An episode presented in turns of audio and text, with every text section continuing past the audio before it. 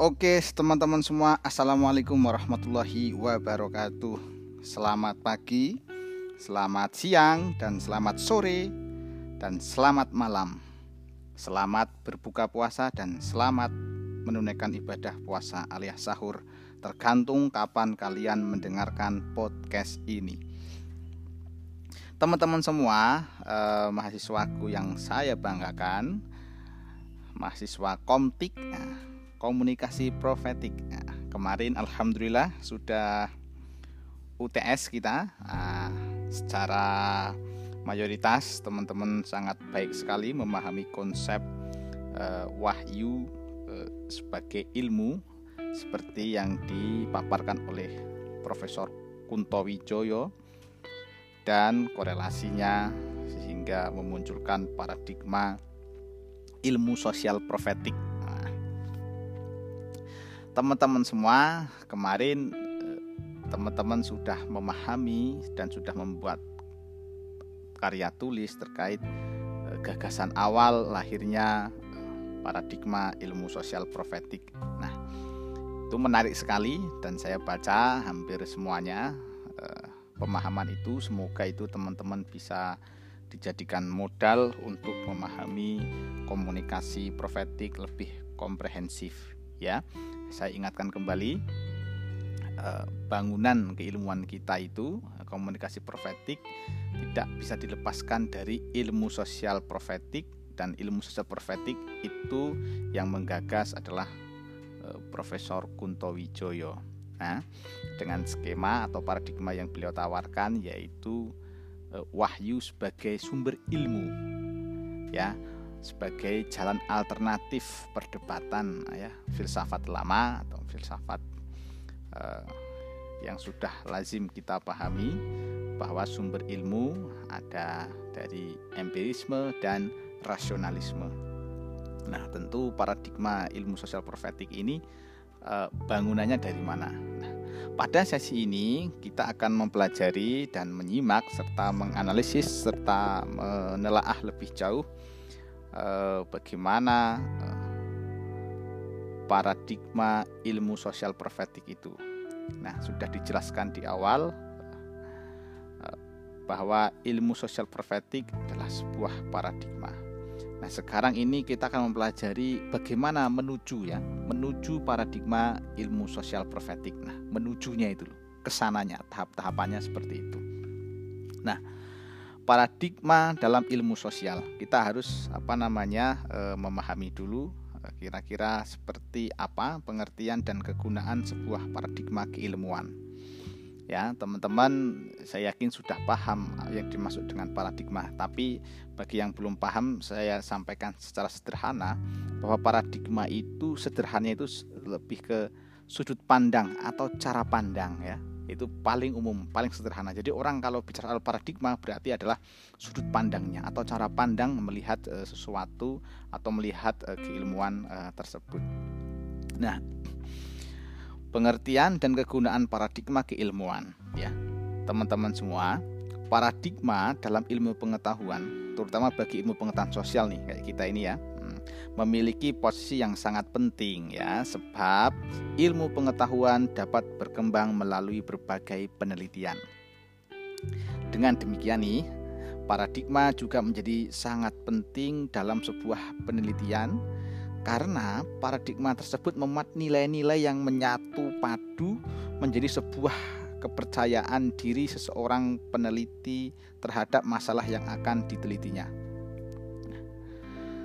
Sistem kepercayaan tersebut membimbing seorang peneliti bukan hanya dalam memilih metode, tetapi juga dalam menentukan cara-cara fundamental atau cara-cara yang paling penting secara ontologis dan epistemologis. Nah, kepercayaan mendasar tersebut semata-mata berdasarkan keyakinan sebab tidak ada cara lain untuk membuktikan eh, kebenarannya. Jadi memang harus begini paradigma itu eh, harus diyakini dulu oleh seorang peneliti atau paradigma yang akan digunakan itu harus diyakini dulu bahwa ini adalah kira-kira cara yang paling otentik atau paling tepat untuk mendekati sebuah kebenaran yang akan ditelitinya. Nah, belibet ya. Nah, jika ada perdebatan misalkan problem filosofis filosofis ya dalam apa namanya e, menyusun sebuah batasan paradigma itu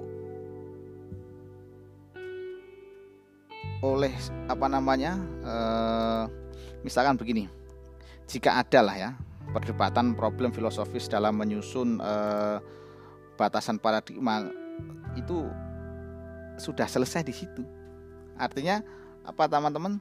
Tidak ada kesepakatan akhir gitu ya. Eh, dari antara apa yang diteliti dengan seorang peneliti atau peneliti yang lain. Jadi eh, keyakinan dalam apa namanya eh, sebuah penelitian itu atau paradigma yang digunakan itu berupa nilai-nilai dasar yang terkandung dalam e, paradigma.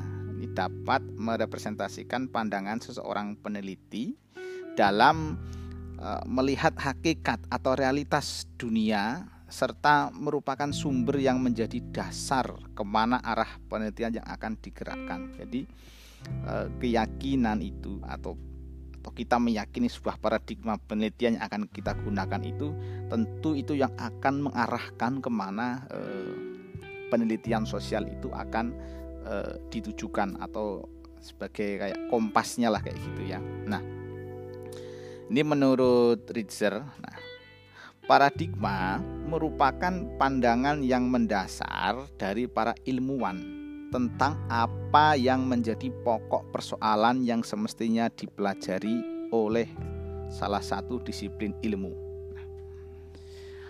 paradigma ini memberikan batasan, jadi memberikan sekat-sekat ya, atau memberikan apa ya e, wajan kalau dalam bahasa Arab atau ya batasan lah ya, atau misalkan e, sekat atau roadmap lah ya gitulah ya.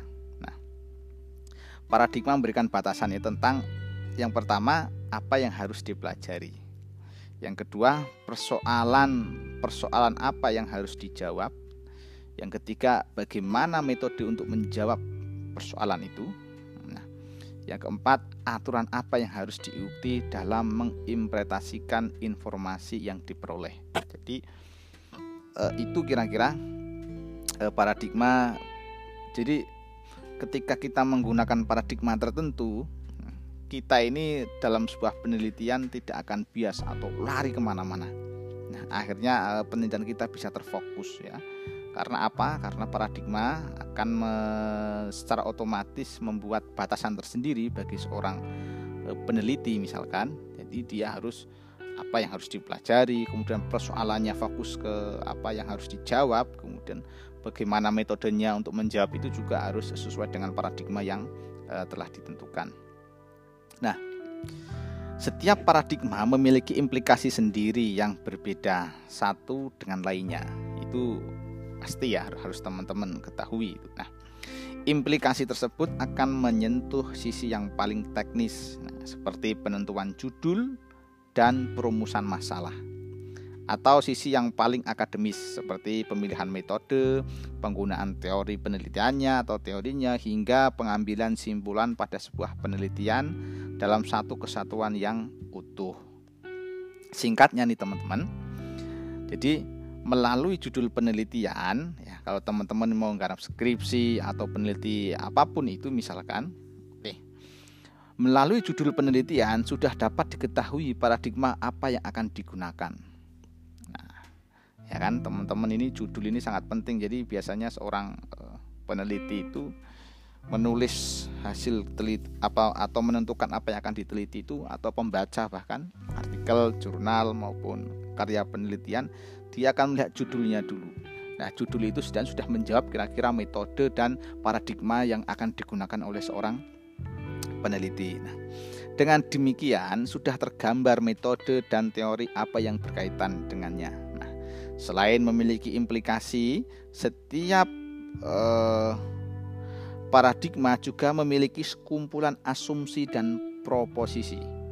Bahkan keberpihakan dengan cara apa dan bagaimana suatu pengetahuan dapat ditemukan serta diungkapkan kebenarannya. Jadi apa namanya? Itulah pentingnya sebuah paradigma ya. Jadi untuk uh,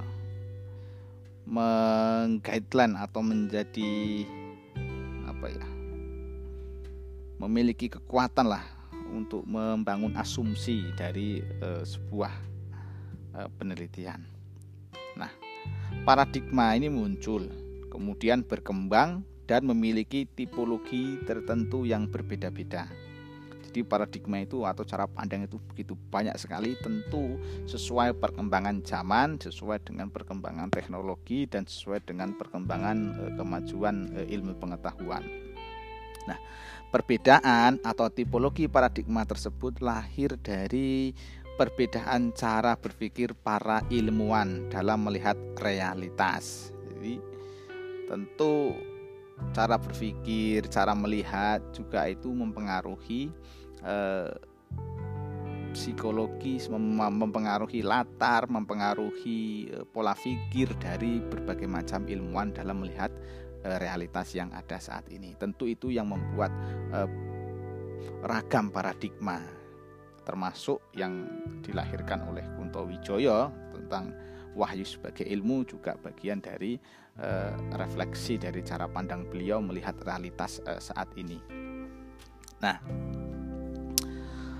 uh, lebih dalam lagi teman-teman, perbedaan tipologi yang berkembang pada setiap zamannya akibat dari perbedaan filosofis yang sudah ada sejak berabad-abad lalu. Seperti aliran filsafat rasionalisme, empirisme, kemudian positivisme, bahkan marxisme, ya eh, dan lainnya.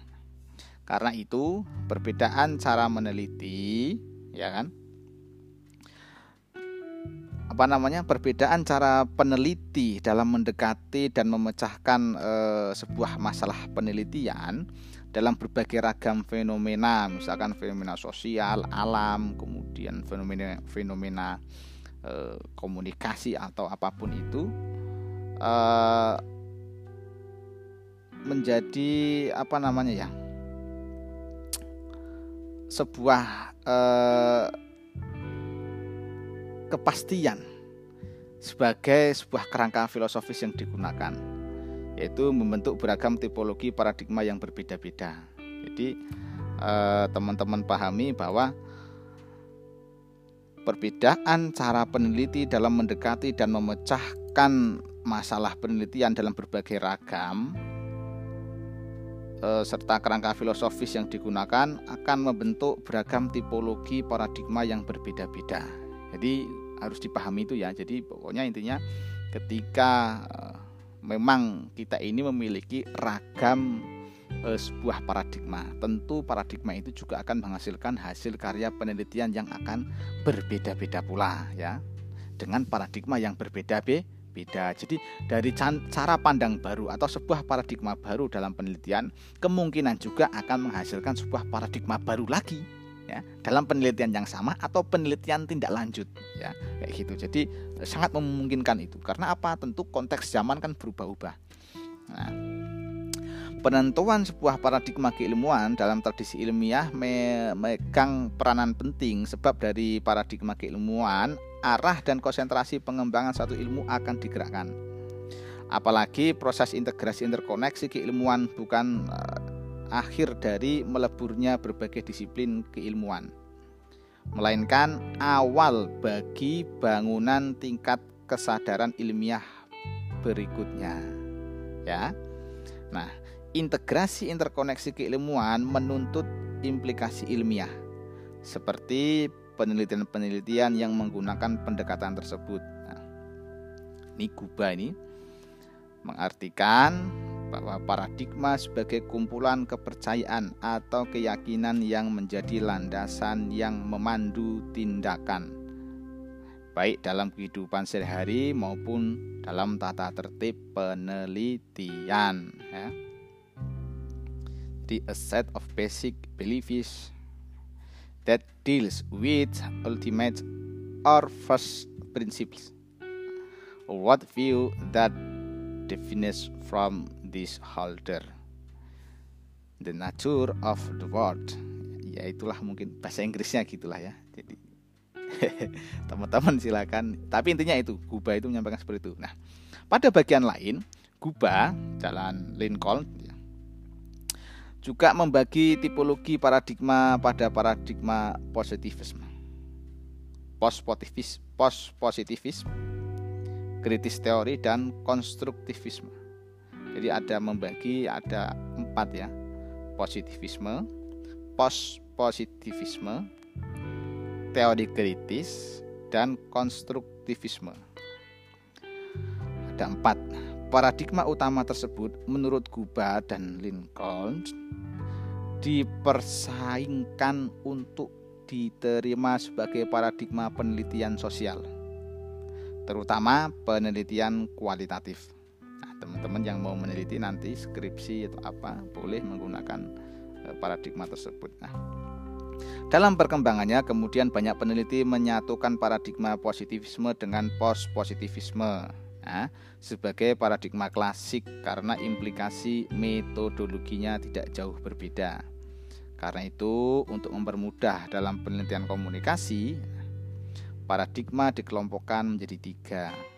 Jadi dari empat itu, yang positivisme dan post positivisme, nah, yakni menjadi eh, paradigma eh, yang pertama yaitu aliran klasik, kemudian kritikal dan konstruktivisme. Jadi dari positivisme dan positivisme digabung menjadi aliran eh, paradigma klasik. Kemudian teori kritis atau kritis eh, teori menjadi kritikal dan konstruktivisme. Nah, pandangan lain mengenai paradigma ilmu sosial yang berkembang saat ini dikemukakan juga oleh George Ritzer, Ritzer ya, dalam bukunya Sosiologi A Multiple Paradigm Science. Jadi Multiple Paradigma Science. Menurut Ritzer, setidaknya ada tiga paradigma besar yang saling bertarung, berebut atau merebut dominasi dalam ranah keilmuan sosiologi. Yang pertama, fakta sosial. Paradigma ini dikembangkan oleh Emil Durkheim, Durkheim ya, seorang sosiolog asal Prancis. Pendekatan ilmu sosiologis yang dibangun bertentangan dengan Herbert Spencer. Spencer menekankan individualisme dan lebih tertarik pada perkembangan evolusi jangka panjang dari masyarakat modern. Nah, ini sama Spencer ini agak berbeda ya. Bagi Spencer, cara memahami gejala sosial atau gejala alamiah lainnya adalah menggunakan hukum evolusi yang universal. Pandangan Spencer tersebut mirip dengan pandangan Auguste Comte. Auguste Comte, Comte pencetus positivisme dalam ilmu-ilmu sosial. Ini Agus Kom ini pencetus uh, positivisme ya dalam ilmu-ilmu sosial. Keduanya sama-sama ingin menerapkan teori evolis, evol, evolusionisme ya pada alam dan biologi ke dalam wilayah kajian ilmu sosial. Spencer lebih memperhatikan perubahan struktur sosial dalam masyarakat, bukan pada perkembangan intelektualnya. Nah, Durkheim berpendapat bahwa fakta sosial dianggap sebagai sesuatu atau thing yang berbeda dengan ide. Jadi thing atau pola pikir ya atau pikiran itu berbeda dengan ide. Ia berangkat dari realitas atau segala sesuatu yang realitas itu yang ia berangkat dari apa eh, realitas yang menjadi objek penelitian dan penyelidikan dalam studi sosiologi. Untuk memahami realitas diperlukan penyusunan data real di luar pemikiran manusia. Penelitian yang dihasilkannya pun bersifat deskriptif dan hanya berupa pemaparan data serta realitas yang terjadi. Nah, fakta sosial terdiri atas dua tipe nih teman-teman semua, yaitu struktur sosial atau social structure dan peranata sosial atau social institution. Sejumlah teori yang termasuk dalam paradigma ini adalah teori fungsionalisme struktural, konflik, sistem, dan sosiologi makro. Nah, ini menurut Ritzer ya. Itu yang pertama teman-teman. Ini ingat nggak ini ya? Ya udah, nggak apa nanti didengar ulang ya. Kemudian yang kedua ada eh, teori definisi sosial. Ya. Tadi yang pertama apa namanya? fakta sosial, yang kedua adalah definisi sosial ya. Ini menurut uh, Ritzer ya, ada paradigma. Paradigma ini dikembangkan oleh Mark Weber. Bagi Weber, untuk menganalisis tindakan sosial harus memahami hubungan sosial ya harus memahami hubungan sosial untuk bisa menganalisis tindakan sosial. Untuk itu, mempelajari tindakan sosial, Weber menganjurkan metode analitisnya melalui penafsiran dan pemahaman atau interpretative understanding. Nah, atau menurut terminologinya disebut Verstehen, yaitu penafsiran bermakna. Memahami makna subjektif suatu tindakan sosial harus dengan membayangkan dirinya di tempat pelaku untuk dapat ikut menghayati pengalamannya. Jadi kita harus apa seolah partisipatif ya, terlibat di dalam itu. Penghayatannya gitu. Lebih bagus ya ya memang harus seperti itu. Sebuah penelitian uh, definisi sosial. Nah, Teori pendukung paradigma ini adalah teori aksi dari Weber.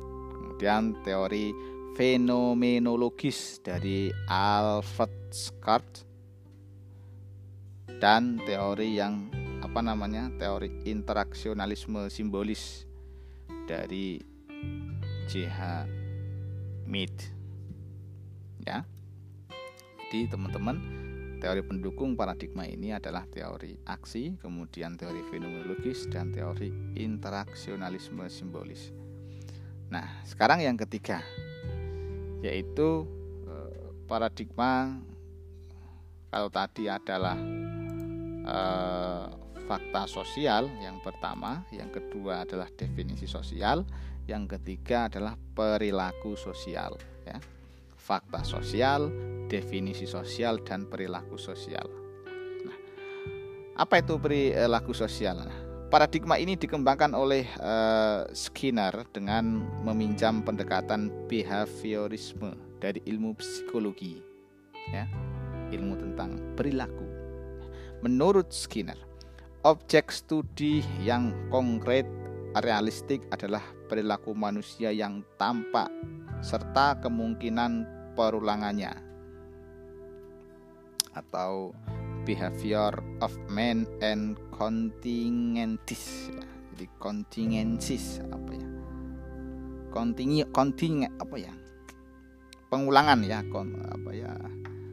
Ya kalau pengulangan repeat ya. Continuous continuous ya. Yang mungkin menjadi uh, habitat atau ya, jadi sesuatu yang apa namanya uh, kemungkinan perulangannya kayak gitu. Of reinforcement ya. Jadi behavior behavioral of man and contingencies of reformance. Ya apa ya bahasa Inggrisnya susah saya bacanya. Ya intinya itulah teman-teman ya bahwa uh, perilaku manusia jadi menurut Skinner, objek studi yang konkret realistik adalah perilaku manusia yang tampak serta kemungkinan perulangannya itu. Jadi sangat dimungkinkan apa ya, nampak dan kemu, memungkinkan perulangannya. Jadi ya ya kayak habitat atau kira-kira habituasi atau kebiasaan sehari-hari lah mudahnya kayak gitu nah Beberapa teori yang termasuk dalam paradigma ini adalah uh, teori behavioral sosiologi dan teori exchange. Nah, teman-teman, uh, pemetaan paradigma ilmu sosial yang dilakukan oleh George Reiser itu bukan tanpa kritik. Nah, sejumlah kritik misalkan muncul salah satunya karena paradigma ilmu sosial yang disusun Reiser tidak masuk memasukkan paradigma kritis dari Karl Marx yang menjadi banyak sumber inspirasi pengembangan keilmuan sosial. Nah, perbedaan pandangan dalam pemetaan paradigma keilmuan sosial tersebut dapat dilihat sebagai tanda masih belum selesainya pemetaan paradigma dalam keilmuan sosial. Hal tersebut setidaknya dapat dilihat dari perspektif lain penggunaan paradigma oleh sejumlah ilmuwan, ya. Ini kita ini ingat ya, e, bicara bagaimana e, menuju atau tangga menuju paradigma ilmu sosial profetik. Jadi nanti eh, teman-teman akan mengetahui kehadiran uh, ilmu sosial profetik sebagai sebuah paradigma itu posisinya di mana kayak gitu. Nah, sejumlah ilmuwan memang masih uh, berbeda-beda pendapat dalam mengelompokkan paradigma keilmuan sosial. Perbedaan tersebut berpangkal setidaknya dari penggunaan paradigma untuk kepentingan penelitian sosial. Walaupun berbeda, ya, Hal tersebut bukan sesuatu yang dapat dipermasalahkan sebab kajian tentang ilmu sosial memang berbeda-beda dengan ilmu alam yang penuh dengan kepastian. Tentu teman-teman mempelajari ilmu sosial juga hmm, dinamika perubahannya begitu cepat dan e, signifikan itu. Berbeda kalau ilmu alam atau ilmu pasti misalkan ya kalau matematika atau satu tambah satu sama dengan dua. Tapi kalau ilmu sosial satu tambah satu bisa menjadi 10, bisa menjadi 15 itu. Bahkan bisa jadi min 20. Jadi memang e, berbeda cara pendekatannya itu. Tentu akan berbeda juga paradigma yang akan digunakan. Paradigma ilmu sosial tidak e, serupa dengan paradigma ilmu alam. Nah, seperti paradigma Newtonian misalkan. Nah, tentu dalam ilmu sosial beragam paradigma dapat digunakan dalam suatu suatu era keilmuan. Nah, sekarang ilmu era kita ini ya era integrasi interkoneksi ya, paradigma itu ya. Nah, tentu itu apa namanya? menjadi sesuatu value yang harus teman-teman banggakan kayak gitu. Nah, kemudian eh, kita akan eh, coba menganalisis atau melihat eh, berbagai kelompok paradigma keilmuan sosial ya.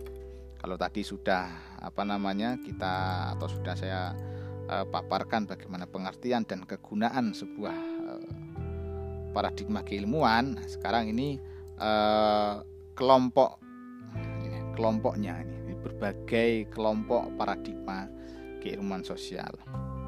Tentu agar lebih mudah memahami dinamika yang terjadi pada paradigma keilmuan, Paradigma keilmuan tersebut dapat dikategorisasikan berdasarkan kelompok. Awalnya tidak ada kelompok pada paradigma keilmuan.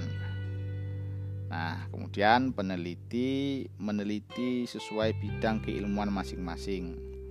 Seluruh proses dan lingkup penelitian tersebut dikategorikan berdasarkan banyak hal seperti relasi peneliti dengan yang diteliti, tujuan dan keberpihakan atau pilihan moral seorang peneliti, serta sejumlah asumsi filosofis penelitian. Dari situ kemudian dikenal dengan enam paradigma yang terus berkembang sesuai dengan hasil dan e, kebutuhan penelitiannya. Sejauh ini ya Pengelompokan teori dan paradigma dalam keilmuan sosial telah menghasilkan sejumlah pengelompokan yang bervariasi. Kinlaut mengidentifikasi sekurangnya ada enam paradigma, ya, yaitu organik paradigma, terus konflik paradigma, sosial behaviorisme, struktur funda eh, struktur fungsionalisme, kemudian modern konflik teori, dan sosial psikologikal paradigma. Jadi ada enam itu. Kemudian yang lain, tokoh yang lain, Burrell and Morgan mengelompokkan paradigma dalam empat kelompok, yaitu radikal humanis paradigma atau radikal humanis paradigma kemudian radikal strukturalis paradigma, kemudian inter interpretif paradigma. Atau interpretif ya, interpretif paradigma. Dan yang keempat fungsionalis paradigma.